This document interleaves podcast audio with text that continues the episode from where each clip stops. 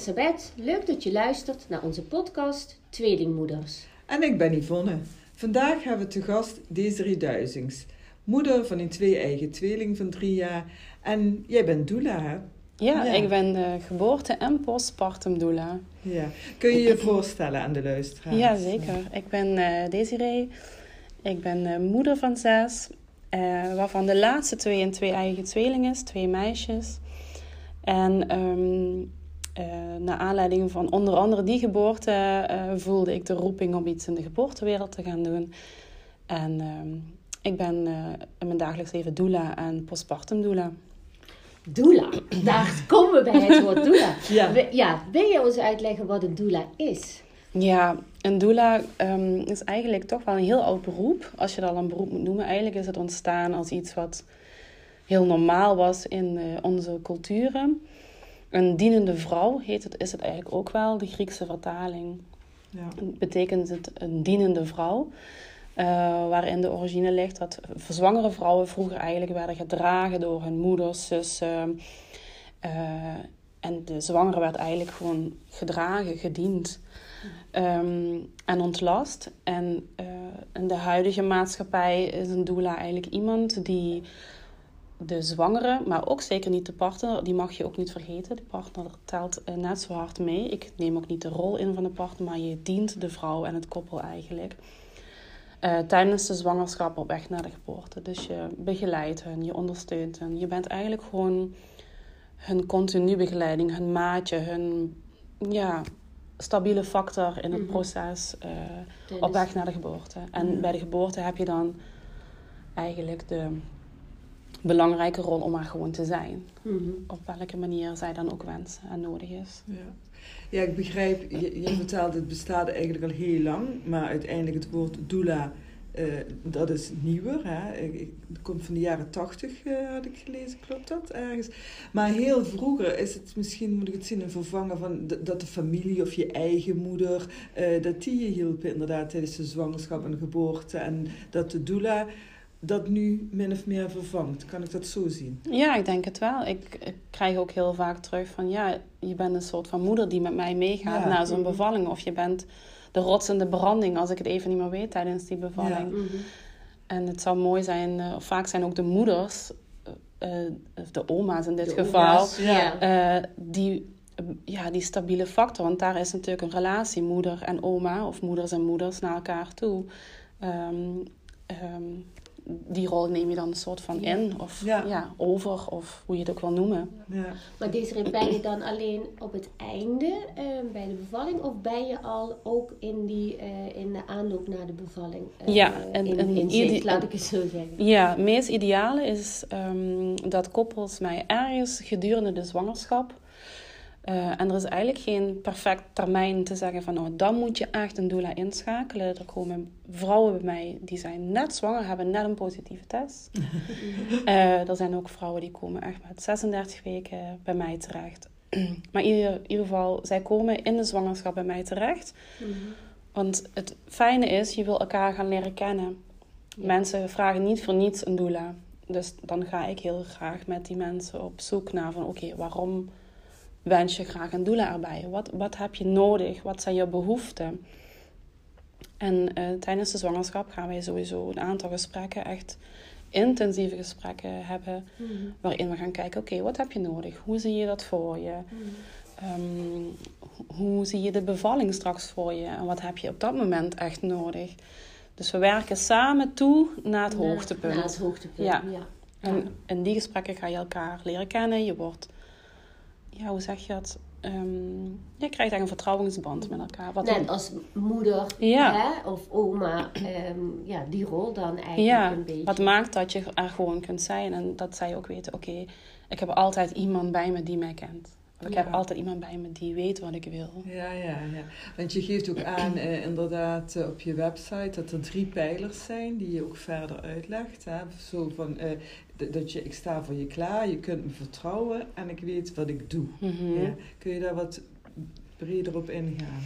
Ja, ik sta voor jou klaar. Dat wil zeggen, op het moment dat jij zegt, ik wil jou als doula, dan gaan wij samen de samenwerking aan. En vanaf dat moment ben ik gewoon er beschikbaar voor jou. 24 uur. Nou, die 24 uur, dat gaat pas echt op het laatst plaatsvinden. Ja, ja. Dan, dan vanaf week 38 Ja. ongeveer ben ik 24-7 sta ik op wacht, net als een verloskundige. Maar daarvoor, in die voorfase, ben ik er ook. Heel veel Ja. vrouwen hebben nood aan het delen van hun gevoelens, of het delen van hun zorgen, of het delen van een bezoek naar een verloskundige of gynaecoloog en er is iets gezegd worden wat, Wat ze niet begrijpen. ja, wat ze niet of- begrijpen, ja. of wat ze echt denken: wow, maar dit had ik, vind ik echt heel moeilijk. Mhm. Dus in die fase, in de voorfase, ben ik er ook gewoon. Ja. Om gewoon te delen, om te sparren, te weten dat je altijd bij mij terecht kunt met een vraag, een gevoel. Of ehm deze, hoe zie jij dat? Ehm, of hoe, wat kan ik hiermee doen? Dus dat is de eerste pijler. Wat was de tweede pijler? De tweede, dus eh, ik sta voor je klaar. Dan komt je kunt me vertrouwen. Maar dat heb je ook al toegelicht. Hè? Ehm, inderdaad, dat je zegt ik weet jullie angsten, jullie kracht. En ik zal erover waken en Ja. zorg dragen. En ik weet wat ik doe. Ja. En dat is inderdaad ook meteen een vraag voor ons. Maar Ja. dat is, volgens mij zit er ook al heel veel in eh, als je dat gaat vertellen. Ja, want het tweede punt eigenlijk wat je net benoemt, van ik weet waar je behoeften liggen, ik weet waar je angsten liggen. Ja. Daarvoor zijn die gesprekken Ja. zo intens belangrijk. Mhm. Ik vind het voorwerk vaak belangrijker en meer waarde hebben dan er zijn tijdens de geboorte. Tuurlijk is dat ook echt wel het hoogtepunt van het hele traject, maar het voorwerk wat je samen doet maakt dat, dat ik weet wie jij bent, dat ik weet eh, wat jij straks echt nodig gaat hebben, of juist niet. En ehm, dat ik er gewoon 100% voor jou kan zijn. En ook gewoon weet wat ik doe Dus straks. het werkt echt op een vertrouwensbasis. Ja, ja. Je gaat echt samenwerken. Je gaat echt, ehm, ook echt eerlijk met mij moeten zijn en delen van... oké, ik vind het echt super spannend om strakjes ehm, dat gesprek aan te moeten gaan met een eh gynaecoloog of een Ja. verloskundige. Ja. Of ik vind het super spannend, want ik heb dat al een keer meegemaakt... en ik wil dat nooit meer meemaken. Kun je daar alsjeblieft Ja. voor mij voor waken dat dat niet nog een keer gebeurt? Precies. Dus dat gaat heel diep. Ja. Ja. En dan zeg je, ja, ik weet wat ik doe. En dan, dan is mijn vraag ook van, ehm, hoe weet je wat je doet? Is, wat, wat voor een opleiding ehm, eh, heeft, eh, heb je gehad als Mhm. doula? Ehm, werk je aan nascholing, bijscholing? Hoe, hoe gaat dit? Ja, zeker. Ik heb, eh, ben in 2019 gestart met de doula-opleiding. En ik heb die in België gedaan, maar je kunt ze in Nederland ook doen.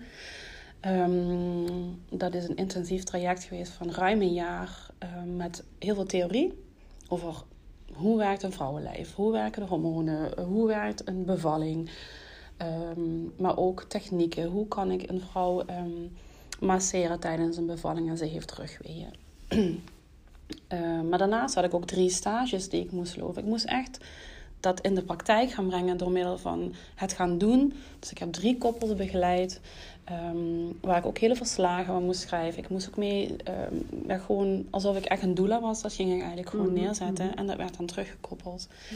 Ehm, dus het is niet zo van, oh, ik doe even een hele makkelijke cursus. Of, Ja, is het eh, een fulltime eh, opleiding? Of is het een, dit waren drie weekenden dat ik daar eh, echt in de theorie dook. Mhm. Ook een stukje praktijk. En daarnaast dan die drie begeleidingen die ik, eh, Mhm. die ik deed van drie verschillende koppels. Mhm.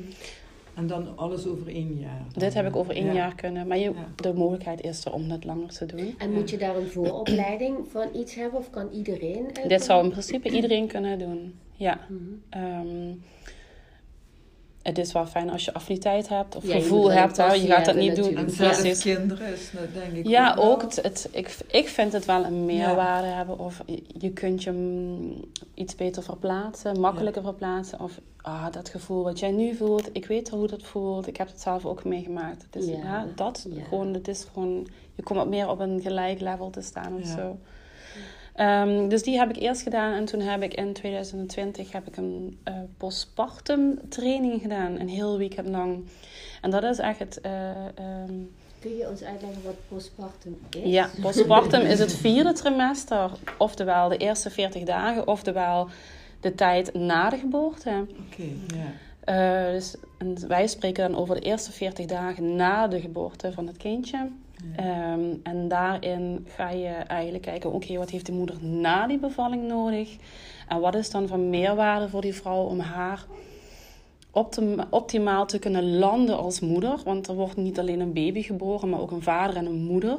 Ja. En of dat nou je eerste is, of je tweede, of je vierde, vijfde, zesde, maakt niet uit. Je wordt iedere keer wordt je rol anders. Of iedere keer wordt je positie anders. Of je gevoel is anders. Of noem het maar op.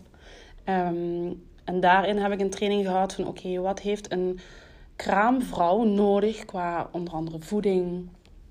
Ondersteuning, begeleiding, eh, massage, warmte. Eh, dus daar heb ik ook eh, kennis van en een training in gevolgd. Ehm, wat ik zelf een hele grote meerwaarde vind om aan vrouwen te kunnen aanbieden. Omdat daar ook heel weinig over bekend is. Wij Nederland zijn gelukkig een land waarin we een week lang, als je geluk hebt, kraamzorg krijgt. Ja. Dat is in heel veel landen niet. Nee, dat hebben we ook wel ehm, gehoord. Dat wisten wij helemaal niet. Ja, hè? Dat klopt. is echt iets Nederlands. Ja. Ja. In andere tradities zijn er ook alweer, bijvoorbeeld in Marokko wordt dat gedaan. ehm, in Turkije geloof ik ook. Waar worden de vrouwen echt ehm, gedragen door andere vrouwen 40 dagen lang. Oh, heerlijk. Ehm, waarin de moeder echt de tijd krijgt om te verbinden met haar kindje. Om elkaar te leren kennen. Om de borstvoeding te laten vloeien. Maar ook om die moeder echt te kunnen laten landen. En dat is in onze cultuur weer helemaal niet. Dus na die week kraamzorg kan het voelen dat de moeder zoiets heeft van... Oh, ik val nou in een gat, want die kraamzorg is weg. En ik weet gewoon niet wat ik moet doen.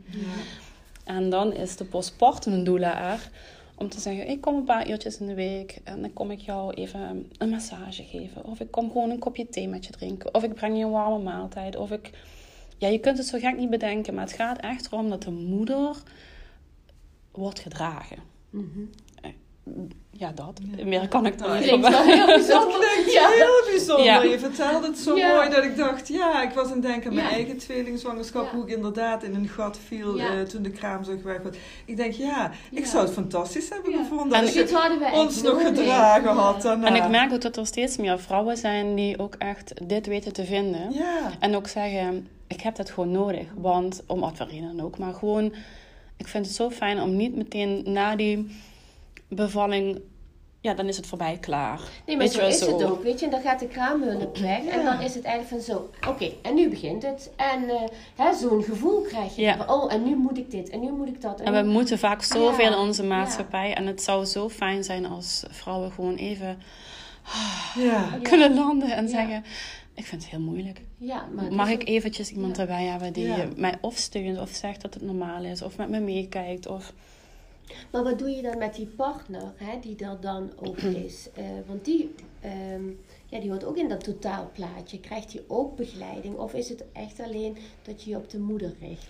Nee, als de vader dat ook wenst, ik, tuurlijk, ik betrek zowel in de uh, geboortedoula-traject, betrek ik de partner erbij, want ik vind het heel waardevol om hun ook hun verhaal ook te luisteren. Want vaak heb ik ook vaders die ook hun verhaal hebben over een eerdere geboorte. Um, maar ook om hun voor te bereiden. Ook om te horen van, maar wat wil jij straks? Hoe zie jij die geboorte voor je? Vaders is het vaak gewoon een beetje, ja, ik weet het niet. Weet je, mijn vrouw is zwanger en het draait toch vaak om de vrouw. Ja. Maar die vaders zijn ook wel heel belangrijk. En Ja. zij hebben tijdens die bevallingen gewoon een hele belangrijke rol. Ja. en na die uh, geboorte, ja zeker, um, betrek ik hun er ook bij. En Mhm. hoor ik ook aan wat zij nodig hebben. Ja. Maar vaak zijn het toch de vrouwen die heel sterk zeggen... ik heb dit nodig, want ik Ja. vind dit heel fijn of belangrijk. Of, of ja, de redenen zijn heel uiteenlopend. Maar... En de vader denkt dan, ja, ik doe wel eromheen. Ja, ja, die past zich misschien Ja. een beetje aan. Ja, Maar Ja. voor de vader is het ook een hele totaal nieuwe situatie. Die wordt, wat je aangaf, ook opnieuw geboren. Hè? De, Ja. Het gezin verschuift van alles. Dus ik, eh, ik ben ervan overtuigd inderdaad dat het heel belangrijk is dat die vader ook goed ondersteund en begeleid wordt. Ook weer om de moeder weer te ondersteunen. En dat ze Mhm. ook begrip eh, voor elkaar krijgen en in verbinding met elkaar blijven. ja, dat. Dus ik betrek hen wel ehm, waar ik de ingangen vind. Want dat Mhm. vind ik wel... Ik ga niet iemand pushen of... ehm, Nee. Ehm, ik vind het wel heel fijn als er gewoon dat we samen kunnen werken. Ja. En dan zeker ga ik hun erbij betrekken. Of bereid ik hun voor op hoe, ehm, hoe ga je die kraamtijd strakjes invullen. Wat is jouw rol straks? Hoe zie jij dat voor je? Ja. Ja. Hoe lang heb je verlof? Hoe lang kun je je vrouw ondersteunen? En Ehm, dus daar, gaan we, ja, daar hebben we het zeker weten over, ja. Mooi. En je geeft ook aan bij Ik weet wat ik doe, dat je regelmatig inderdaad opleidingen, workshops en trainingen volgt. Mhm. En ik denk bij jou is het ook heel belangrijk dat je je eigen ervaring hebt. Kijk, met zes kinderen, dat je op allerlei manieren, de kinderen zijn alle leeftijden, eh, mensen door je ervaring heel goed kunt begeleiden. Ja. Ja. En je schrijft hier ook, ik heb een persoonlijke ervaring met een tweelingzwangerschap. Ja. wij zijn Ja, we tweelingen, dus dat natuurlijk dat even wil je heel wat meer weten. over vertellen. Ja. Eh, ja, dat is eigenlijk voor mij de meest speciale zwangerschap en gebeurtenis in mijn leven geweest eigenlijk. Ehm, die tweeling van mij. Nou, even helemaal terug naar het begin. Toen wij kozen ervoor om nog voor een vijfde kindje te gaan, toen hadden wij gezegd, nou bij deze vijfde dan eh, gaan we dit, eh, ik wil geen controles meer, ik wil geen echo's meer. Pff, ik geloof het wel. Weet je, Oh, ja. ik weet het, genoeg. ja, ik weet het wel. Ik weet hoe ik Ja. beval. Ik weet hoe mijn lijf Ja. werkt. Ik vind het goed. Ik ga dat gewoon doen. Ehm, ik heb dat allemaal niet nodig. Zo voelde het voor mij heel erg. Ehm, en ik wist ook wel bewegen intussen. Want ik had me al ingelezen. Ik was bezig om eh verloskunde te gaan doen. Want daar lag gegeven moment mijn roeping. Ja, toen werd ik zwanger van een tweeling.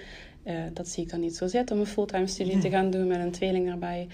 Eh, maar dat maakte wel dat ik moest gaan shiften in de gedachten die ik had of in de visies die ik had.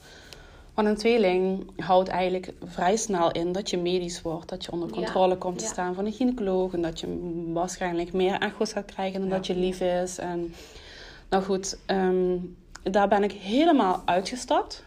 Eh, Oh. Ik heb daar niet voor gekozen voor dat pad.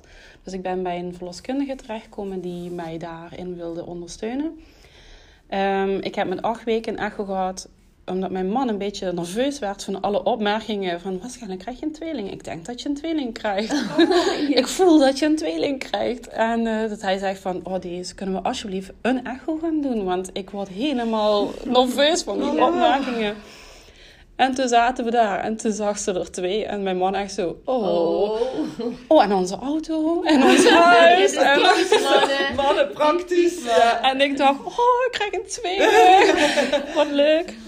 Ehm, eh, dus ik ben heel veel gaan lezen. Ook echt medische stukken van de, de verloskundige bond. En eh, ehm, ja, allerlei websites ben ik gaan uitpluizen van... Oké, wat houdt een tweelingzwangerschap in? En waarom wordt het medisch?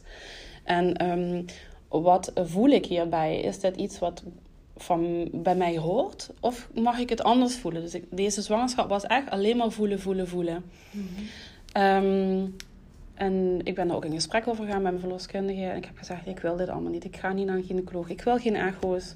Ik wil niet weten wat het is. Ik wil niet weten of alles erop en eraan zit. Het is goed zo. Het voelt voor mij gewoon helemaal oké. Ik ga het gewoon doen en ik ga thuis bevallen. Ja, echt? Mhm. Wauw. Dus ik ben daar ook heel ver in gegaan met haar. Eh, we hadden nog een tweede verloskundige gevonden die daar eh, mee wilde gaan. Ik had een bad geregeld, want ik was van die andere vier kinderen allemaal thuis bevallen. Dus ik wist hoe het was om thuis te bevallen. En ehm, toen, ehm, ik denk met week 36 ongeveer, toen zei mijn verloskundige, ik... ehm, ik ga hier in de regio in het ziekenhuis laten weten dat jij er bent. Dat als wij medische zorg Ja. nodig hebben, dat wij gewoon zonder problemen gewoon bij in het ziekenhuis terecht kunnen. Prima. Dus zij heeft hun gebeld en gezegd: Ik heb een moeder met een tweeling en eh, dit is de situatie. Waarop die gynaecoloog zei: Nou, weet je wat, kom dat gewoon hier bij ons doen. Dan ga jij die bevalling doen en dan ga je gewoon een polyklinische setting gewoon eh, eh, de het in het ziekenhuis doen. maar gewoon op jouw manier. Ja. Oh, dat is wel heel bijzonder. Waar ik dacht, oké, dat Ja. is good, too good to be true. Ehm, ik zeg, is goed, ik ga wat gesprekken aan. Dus wij zijn naar het ziekenhuis gegaan, hebben een gynaecoloog gesproken. En eh, die man zei, ehm, zo, dus jij wilt thuis gaan bevallen? ik zo, ja, dat ga ik doen. En ehm, ja, zegt hij, je weet toch dat dat best wel een beetje gevaarlijk kan zijn? Ik zeg, ja, weet ik, maar ik heb me ingelezen. Ik weet wat de risico's zijn. Ik weet waar ik voor kies. Ehm, ik weet wat mijn opties zijn. Ehm, en toen zei hij van, ja, maar wat wil je dan eigenlijk? En toen heb ik het geboorteplan wat ik had gemaakt, heb ik onder zijn neus geschoven. Ik zeg, dit is wat ik wil. Mhm. En zo wil ik het, niet anders. Ja. En dan heeft hij dat eens rustig op zijn gemak doorgelezen. En zegt ja, ja, is prima. Hier, ja, hier kan ik me wel in vinden. Is goed, gaan we doen. Mooi. En hij zei alleen als de kindjes in stuit liggen, dan, ja, ja, dan is het dan moet je weten dat er een gynaecoloog op je kamer Ja. komt. Dat is echt prima. Als we die compromis kunnen maken, vind ik dat goed. Ehm, toen ben ik nog gaan kijken naar de verloskamers. Om een beetje het gevoel te krijgen van hoe ziet dat uit en hoe voelt die kamer voor mij. En toen heb ik akkoord gegeven met week 37. En met week 38 ehm, zijn spontaan s'nachts mijn vliezen gebroken van een van de kindjes. En vrij snel begonnen, bego- ja, ik denk een uurtje later begonnen de weeën. Toen zijn we 's ochtends heel vroeg naar het ziekenhuis gegaan. Maar omdat wij geen echo's hadden gemaakt, wisten wij ook niet hoe onze kinderen lagen. Eh, Dus wij kwamen in het ziekenhuis, trommelgeroffel.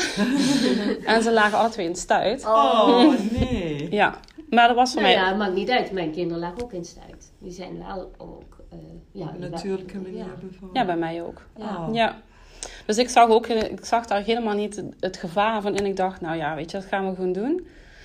En ehm, we hebben ook inderdaad gewoon heel lang met z'n drieën, de verloskundige eh, en mijn man en ik, gewoon op die kamer. Ik heb in bad gezeten.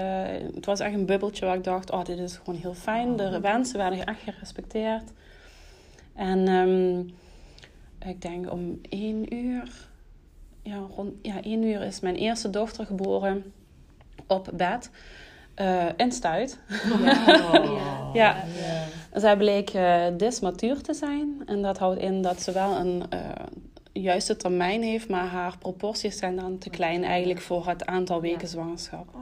Dus zij woog, dus zij woog ehm, 1500 gram. Oeh, dat is licht. Mhm. Ja. ja. Nou, gelijk begonnen mijn weeën weer te komen. Mijn lijf was ondertussen heel erg moe, want ik was eh, fysiek vond ik het zwaar, Mhm. de tweelingzwangerschap. Voor de rest vond ik het hemels, maar fysiek vond ik Ja. het zwaar. Ehm, dus ik was ook heel blij dat ik op bed lag, want ik wilde eigenlijk niet liggen. Want als je weet dat liggen niet de beste geboorte ligging, houding is om een baby te baren, met dat in je achterhoofd wil je eigenlijk niet liggen. Maar goed, ik Ja, kon ik niet. moest. Ik moest, ik kon niet meer. Ja. en ehm nou, ruim een uur later ehm, Zo, er zat lang tussen dan. Ja. Ja. eh, hebben we Saar op de OK gekregen. Dus- Ja. Ja. Ja, want zij, wilde, zij zat goed. Ja. En zij wilde niet echt eh, Oh. komen. Ja. En toen zijn we naar de OK gegaan. Daar hebben ze de vliezen gebroken. En toen kwam ze eigenlijk gewoon super snel. Ook met haar billen eerst. Ja. En eh, ja, binnen een kwartiertje waren we weer boven. Dat hele stuk van ehm, dat OK-stuk, de geboorte van Sarah, is voor ons wel heel traumatisch geweest. Of ja, een aanpassing moet ik Ja. het zeggen. ja, want je had je natuurlijk helemaal voorbereid van ik wil het eigenlijk gewoon op de natuurlijke Ja, thuisbevalling manier. En dan ga je al een stapje Ja. naar het ziekenhuis en dan komt dat... komt dat, ja. Ja. Dus, ehm, en het feit dat eh, de eerste eh, dochter eh dysmatuur was, maakte dat wij moesten blijven. Dus er waren een hele hoop dingen die voor ons echt, ehm, ja, ik kan wel zeggen dat het traumatisch is geweest. Ja. Dus echt aanpassen, dan een hele nieuwe Ja, maken. ja. Ja. En jullie tweede dochter, Saar heet ze. Ja. Eh, hoeveel woog zij? Zij woog drie kilo. Och, Ja. Ja. dat is dus het dubbele. Ja, dus Ja. dat was echt, eh, je zag het ook. En eh, ja, Nele was echt zo, zij, zij had beentjes, die waren zo dik als mijn vinger. Oh. Eh, zij, haar temperatuur was, eh, die ging super snel omlaag. Zij kon niet zelfstandig drinken. Oh. Maar zij was gewoon, ik had daar wel meteen een heel goed gevoel bij. Van, eh, Maar het gaat nu wel goed. ja, zeker. Oh, goed. Tweeënhalve week zijn we daar geweest en daarna ging het. eh, Oh, wat fijn. Zijn ze beide 2,5 week moeten blijven? Of mocht Saar het mooie van ons ziekenhuis hier is dat als jij op de neonatologie komt, dat je moeder en kind altijd samen zijn. Mooi. En ehm, dat hadden ze ook niet moeten proberen om Nee, mij dat te was bij jou niet gelukt, denk ik. Nee. Eh, Want ze hebben regelmatig gezegd, ga maar even naar huis. Je mag ook thuis slapen. Nee, geen, komt niet in vragen, want eh, ik, je gaat mij echt niet scheiden van mijn dochters. Dus wij zijn, ik en Sarah waren ontslagen na drie, vier dagen. Maar we zijn gewoon al die 2,5 Ja. weken gewoon bij elkaar geweest. mooi. Ja, mooi, hoor. Ja. Heel mooi verhaal, ja. ja. Ja. We hebben hier eigenlijk als vraag staan eh, of de doula een vervanger is van verloskundige, maar dat heb je min of meer al aangegeven. Maar we hebben ook een luistervraag en ehm, ik denk dat we die misschien, want die heeft ook met doula te maken, dat we die nu even... Ja. En het is een vraag van Frederik Groevens uit België. Ik zal even voorlezen wat ze schrijft. Ze schrijft, beste Sabet en Yvonne, ik lees dat jullie een podcast gaan opnemen met een doula. Nu ben ik zwanger van een tweeling en ben uit aan het zoeken of een doula iets voor mij ons is. Ik lees heel veel positieve recensies over doula's, maar ik lees ook andere berichten, zoals... ehm, Even, Ja, dat is even, een klein stukje bij. ja, even staat bij, eh doula's worden steeds weer betiteld als bemoeizuchtig, zonder medische ervaring. ehm, dat ze inspraak willen hebben bij medische ingrepen. Even kijken. Eh, dat er discussies dan zijn tijdens de bevalling thuis en in de verloskamers. En er is een enquête geweest onder 111 verloskundige praktijken en door Nieuwsuur en NRC. En die toont aan dat de meeste verloskundigen een doula eerder als een last dan een hulp eh, zien. Maar staat er verder, ook doula's voorzien wel in een behoefte van zwangeren. Het gaat om een emotionele begeleiding eh, die de bestaande zorgverlening dus niet kan bieden.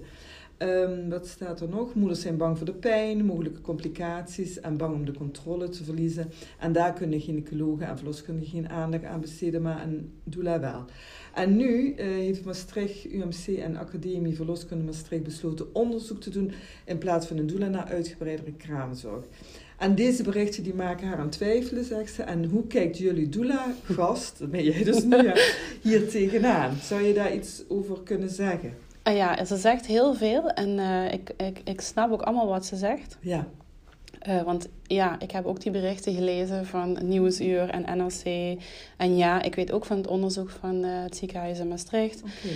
waarin ehm, de uitslag is dat continu begeleiding voor een barende vrouw veel voordelen heeft. Mhm.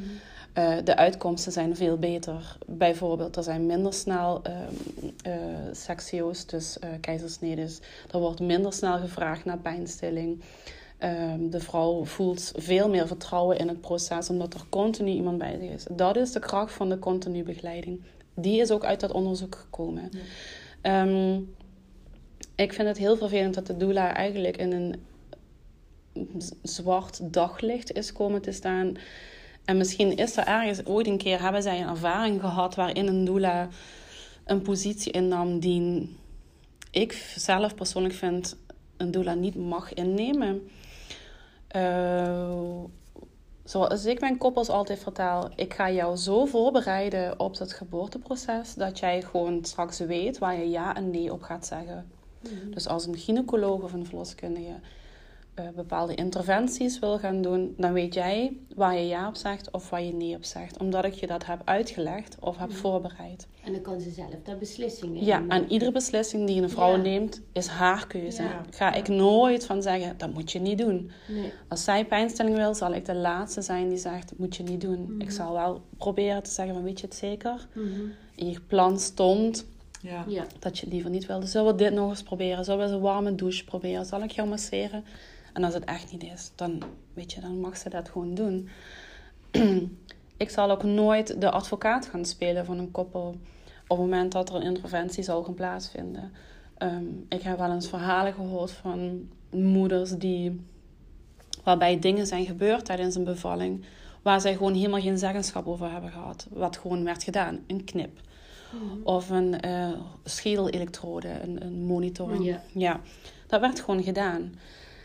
Ehm, dat houdt in dat vrouwen zich uit de regie voelen gezet. Hè? Ze worden uit de regie gezet, ze hebben geen stem meer. Mhm. En wat ik probeer te doen, is eigenlijk die stem terug te geven. Door te weten van... mm, om een situatie te omschrijven... Als een moeder bijvoorbeeld eh, is aan baren en de gynaecoloog of de verloskundige wil een knip zetten. Mhm. Hun doen dat automatisch. Dan zal ik degene zijn die zegt: Oké, ehm, kunt u misschien uitleggen wat u wilt gaan doen, zodat de moeder weet wat er gaat gebeuren? Maar is er, sorry dat ik je onderbreek, maar ik ben even denken, is er altijd wel tijd voor? Soms is het ook een noodgeval en moeten dingen heel snel gebeuren. Ter eh, behoefte van het kind en de moeder misschien. Ja. Hè, eh, als er zuurstofgebrek is. Ja. Of, eh, en, en is daar dan altijd wel tijd voor? Omdat, Ik denk dat dat heel erg in de situatie ja, ligt. Precies. Eh, ja, dat ligt echt in de situatie, Ja. maar ik probeer wel die ruimte te creëren. precies, ja. Mhm. Van leg even uit. Ja, Ja. als het kan. Als het kan, ja. Ja. Ja. En een, eh, als ik kijk naar mezelf, en ik, misschien, ik denk dat iedere moeder dat voelt, als er nood aan een man is, ga je niks weigeren. Nee, dan doe je dat gewoon. Dan, ga je, dan is alles goed Ja. en oké Ja. om je baby te En laten. dat voel je ook. Dat dan, voel je. Maar ik denk dat het vooral gaat om die stem van die vrouw. Ja. Mhm. En op het moment als ik advocaat ga spelen, ontneem ik de stem van de vrouw. Ja. Of de man. Ja. Want vaak wordt de man ook gezegd... Jij moet straks dat tegen die gynaecoloog zeggen als ze dat Ja, willen ja, gaan doen. Want ja. dat wil ik niet, weet je nog? Ja, ja. Ja. ja. Dus ik ga dat terugnemen en zeggen... Bijvoorbeeld, laatst had ik iemand en... ehm dan zei de gynaecoloog, ik ga zo meteen je vliezen breken. Dat ik zei, kunt u dan even aan haar uitleggen wat de, erna, waarom je dat wil doen... en wat het effect kan gaan zijn voor haar. Dus dan open ik eigenlijk het gesprek. Ik ga er niet zeggen, nee, dat wil ze niet. Maar ik ga eigenlijk het gesprek Ja. opengooien... en dan kan de moeder nadenken en zeggen ja of nee. Ja. Dat is een beetje wat ik doe. Dus dat zou voor mij idealiter de positie van de doula zijn. Om het gesprek open te gooien. En dan vervolgens de ja of de nee of de regie bij het koppel te leggen. En niet, ik ga voor een gynaecoloog staan en zeggen... nee, dit is niet wat Nee. mevrouw wilde. Maar Maar jij... Sorry, ja. Nee, maar- voel jij dan ook die spanning dan tussen, als jij daar dan bij komt, eh, tussen jou en de verloskundige of jou en de gynaecoloog? Ik heb het nog niet meegemaakt. Dus ik denk dat dat ja, ook wel... Ja, er zijn natuurlijk honderden doula's Ja. in eh, Nederland. En er Ja. zijn inderdaad, wat je in het begin aangaf, er zullen er zijn inderdaad die eh, zich bemoeien tussen haakjes met dingen waar ze zich niet mee moeten bemoeien. Maar als ik jouw verhaal zo hoor, Ja. ga ik ervan uit, dat doe jij dus absoluut niet. En kan ik het dan in het kort zeggen dat een doula vooral een emotionele toevoeging is Ja. in de basis. Eh, De, echt dat je emotioneel meer begeleidt, voor, eh, voorbereidt, et cetera. Ja, dat is het ook. Maar dat denk ik, dat is net het begin, waar Ja. we in het begin, hè, waar je begon van, het is als de oma, de moeder, die gewoon de zwangerschap mee begeleidt. En zo, in, in, in dat, eh, in- zo moet ik haar eigenlijk ook zien. Ze is, is erbij, ze is niet de ja, ze is niet de gynaecoloog, maar wel, Nee, je neemt de plek of dat de vrouw zich gewoon heel fijn, heel warm, heel... Ja. eh, Ja, veilig voelt. Veilig. want dat is vaak... eh, Ja. Kijk, op het moment dat een vrouw gaat baren... is zij op haar kwetsbaarst. Ja. Ja. En of dat nou thuis is of in het ziekenhuis, Ja. het is op haar kwetsbaarst. En ehm, dat mag eigenlijk als een soort van heiligdom ook worden gezien, vind ik. Hè? Nou maak ik het misschien heel zweverig, maar dat is het niet. Maar een, een barende vrouw is gewoon heel kwetsbaar. Ja, En alle woorden, alle sferen, alle aanrakingen komen heel anders aan als een vrouw die niet zwanger is of niet aan het baren is. Mhm. Dus de vrouwen die ik bijvoorbeeld spreek, die ehm, een nare ervaring hebben gehad, zeggen vaak: Het voelde voor mij zo. Het waren niet eens de woorden of de handelingen, het was het gevoel wat ze hadden. Ja. En het gevoel wat je overhoudt na een bevalling, maakt, dat is jouw start als moeder. Hè? Dus hoe belangrijk is het dan om die start gewoon heel goed te laten Ja. zijn vanuit een positieve ervaring waarin je je prettig en veilig hebt gevoeld, waarin je gehoord werd, waarin je gedragen werd, waarin je dacht, ik kan dit. Ja. Ik, Ja. Dit voelt zo goed. Ik heb alles zo neergezet, alle pionnetjes, dat ik dit aandurf. Ja. En als die be- bevalling dan anders zou lopen dan, dan dat je in je hoofd hebt of dat je het voor je zag, vind ik het gewoon heel belangrijk dat je altijd je eigen stem hebt mogen hebben. Want dat maakt dat jij de keuze hebt gemaakt voor bijvoorbeeld een ruggenprik. Of dat jij de keuze hebt gemaakt voor, oké, ik vind die knip prima. Ja, want, het moet eh. Ja. Dat Maar je dan- hoe dan ook de regie hebt kunnen Ja, houden. want ja. daar gaat het vaak om. Vrouwen voelen zich vaak gewoon niet gezien en niet Ja. gehoord. En dat gevoel blijven ze gewoon de rest van hun leven houden. Ja. Maar- Dus ik hoop dat Frederik dan eh, inderdaad, ja. ze zal zelf, ze zal eens kunnen kijken op jouw site www.douladees.nl. Kan ze nog eens kijken wat houdt het Ja. allemaal precies in. En zij zal zelf inderdaad ook eh, het, het gesprek aan moeten gaan met een doula om te kijken hoe voel ik me hier prettig bij. Dus ik denk dat. Alhoewel ik het meer- met een tweeling is het natuurlijk... Een natuurlijk tweeling? toch wel, wel, wel- Vind ik het echt, ja. ja, en dat is misschien omdat ik ook een vooroordeel heb, maar ik vind het echt een meerwaarde. Ja, Want Ja. mijn verloskundige, die in het begin van mijn bevalling mijn verloskundige was, maar daarna werd het medisch, omdat ik twee stuitkindjes had, werd zij mijn doula. Dus zij stond aan het hoofd van mijn bed. Ja. Zij was degene die zei, kom op deze, we zijn er bijna, je doet het zo supergoed. Ja. Weet je, zij was mijn stabiele factor die bij me was. Die wist wie ik was. Die wist wat ik wilde of niet wilde. Ja, want het wordt inderdaad heel snel medisch. En dan ja, is er wel iemand die je nog nodig Ja, hebt. en die wat dat- zij omschrijft ook in haar, eh, in haar vraag of inleiding naar de vraag toe. Verloskundigen en gynaecologen hebben gewoon geen tijd Klopt. om bij jou op de kamer te zitten en te zeggen: Voel je je goed? Wat heb je nodig? Zal ik even bij je blijven? Nee, dat gaat niet, want aan de andere kamer ligt ook iemand te bevallen. En in een thuissituatie, ik heb nog iemand die thuis is en Ja. bevallen. En Dat daarin hebben, is die stabiele factor valt dan weg. Dat staat ook in het artikel, ja. Ja. Eh, even, eh, nou bedankt voor de uitleg. Ja. Ik hoop dat Frederik Ik hoop dat het daar voldoende wat, was. eh, dat het Ja, ik voldoende het was. Volledig. Ja. En dan hebben we nog even een vraagje, eh, even kijken. Ehm, Ik, ik wilde sowieso even weten, want eh, wordt het vergoed? Zit het in de verzekering? Of, ja, want dat, ja, ik denk dat dat heel veel mensen Ja. heel graag... Die vraag eh, wilde ja, stellen. Die wilde jij ook stellen. Nou ja, Yvonne, ik kan gewoon jouw gedachten ja, hoe duur is een eh, doula eigenlijk? Ehm, dat is heel verschillend. Ehm, als ik bijvoorbeeld een voorbeeld mag noemen uit de Randstad. Dus dan hebben we het echt over Amsterdam, Utrecht, Rotterdam, Den Haag. Nou, daar hebben ze heel veel doula's en dan is het ook een heel normaal begrip. Ja. Vergeleken tot hier in het zuiden van Nederland, in Limburg. Daar zijn de prijzen tussen de 1000 en 2000 euro voor een complete begeleiding. Ik vraag 1000 euro, of 999 euro. Dat klinkt altijd beter, hè? En ja, dat is veel geld. Ehm, maar ik probeer er altijd een soort van, hoe zeg je dat? Ik probeer mensen dan aan het denken te zetten om, oké, maar wat heb jij nodig straks? En wat gaat het jou opleveren aan het einde? En dit is misschien een heel raar voorbeeld, maar tegenwoordig zijn de kinderwagens over de 1000 euro. Ja. Heb- hè, 1400 euro zag ik laatst een kinderwagen. Ehm, maar die kinderwagen gaat jou niet helpen om een positieve geboorteervaring te krijgen. Ja. En die gaat je ook niet helpen als je het heel moeilijk hebt als je uit die bevalling komt en denkt: Oh, die is echt, dit is niet wat ik had verwacht. En het moederschap valt me zwaar. Die kinderwagen van 1400 euro gaat je daar echt niet bij helpen. Nee.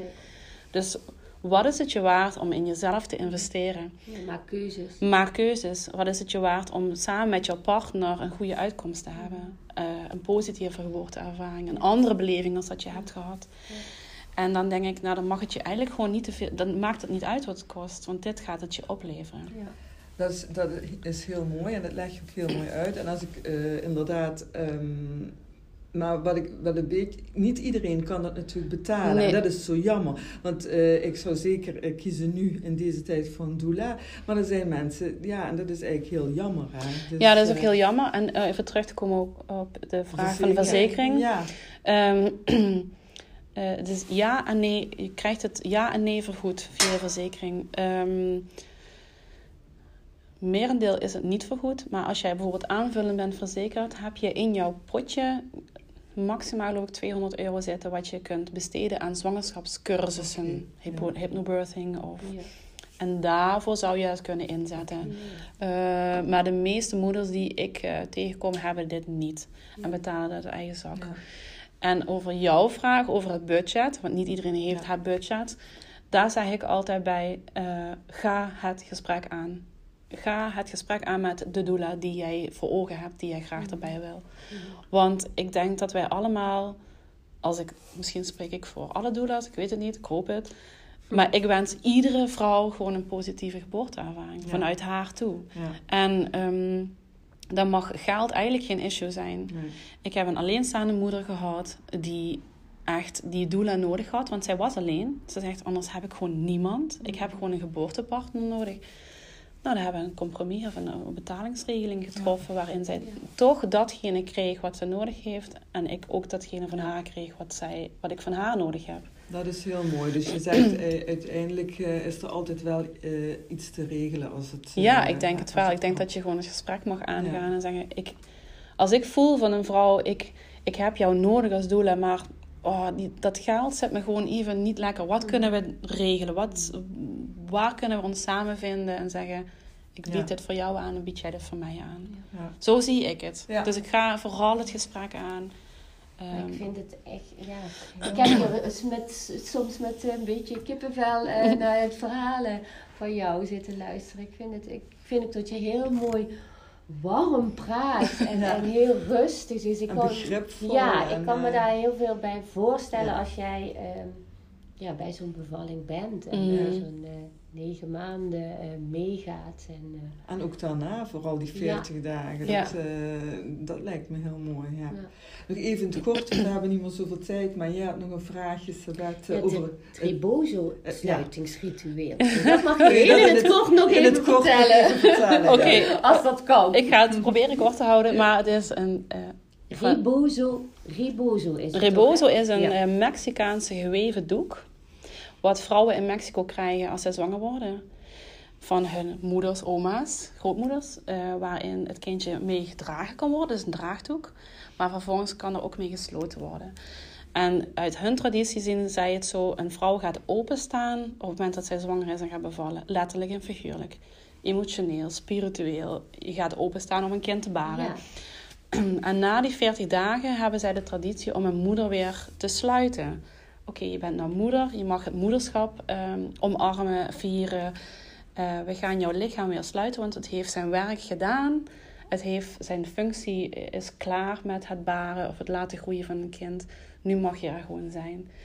Ehm, en dat doe ik samen met een hele lieve andere geboortewerker hier uit de regio. En wij gaan naar de moeder thuis. Wij gaan haar echt dragen.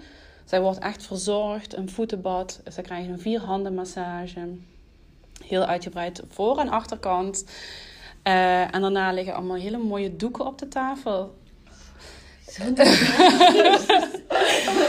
En dan wordt ze eigenlijk gewoon... eh, Ik sta aan één kant en mijn collega aan de andere kant. En de doek wordt eigenlijk... Nou ben ik met mijn handen bezig. Niemand die dat ziet. Nee, maar wij wel. Wij zitten echt helemaal te genieten hier. worden genieten en we worden er emotioneel van. Ja. Ik denk dat we toch een We hebben wat YouTube... Dit is zo mooi.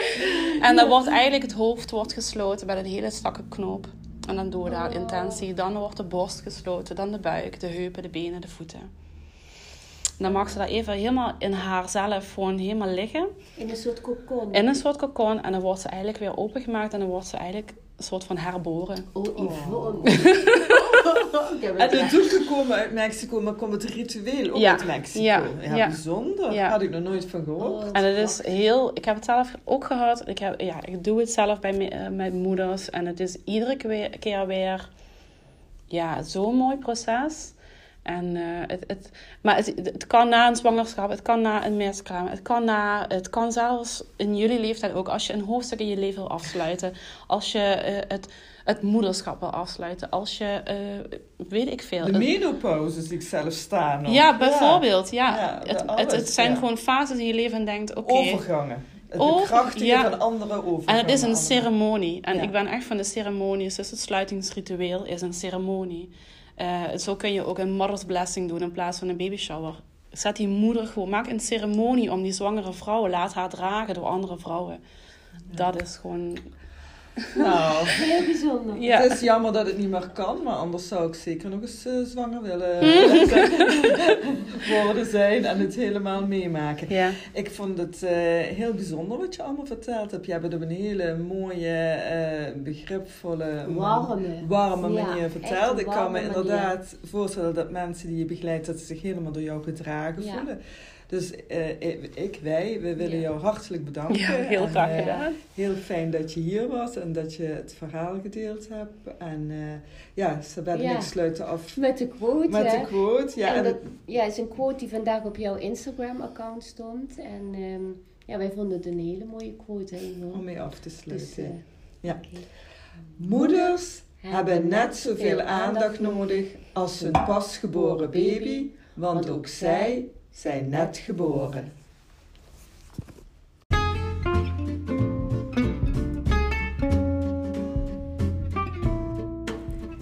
Dankjewel voor het luisteren naar onze podcast Tweelingmoeders. Momenteel zijn we druk bezig met de opnames van ons derde seizoen, waar we naast onze info ook verhalen van tweelingen gaan delen. Gesprekken met tweelingen vanaf 16 jaar tot en met 100. Wij zijn heel erg benieuwd hoe zij het tweeling zijn hebben ervaren. En wij hopen op leuke, sprankelende, informatieve en gezellige interviews. Voel jij je aangesproken en vind je het leuk om samen als tweeling bij ons te gast te zijn? Of ben jij familie of bevriend met iemand van een tweeling waarvan jij denkt dit is echt iets voor hun? Mail naar tweelingmoeders.gmail.com of stuur een PM op Instagram Tweelingmoeders. Tot slot nog een kleine gunst. Luister je onze podcast via Apple of Spotify? Geef ons dan wat sterren. Of bij Google, laat een recensie achter. Zo vinden meer mensen onze podcast en hebben wij een idee wat jullie ervan vinden. Hartelijk dank alvast.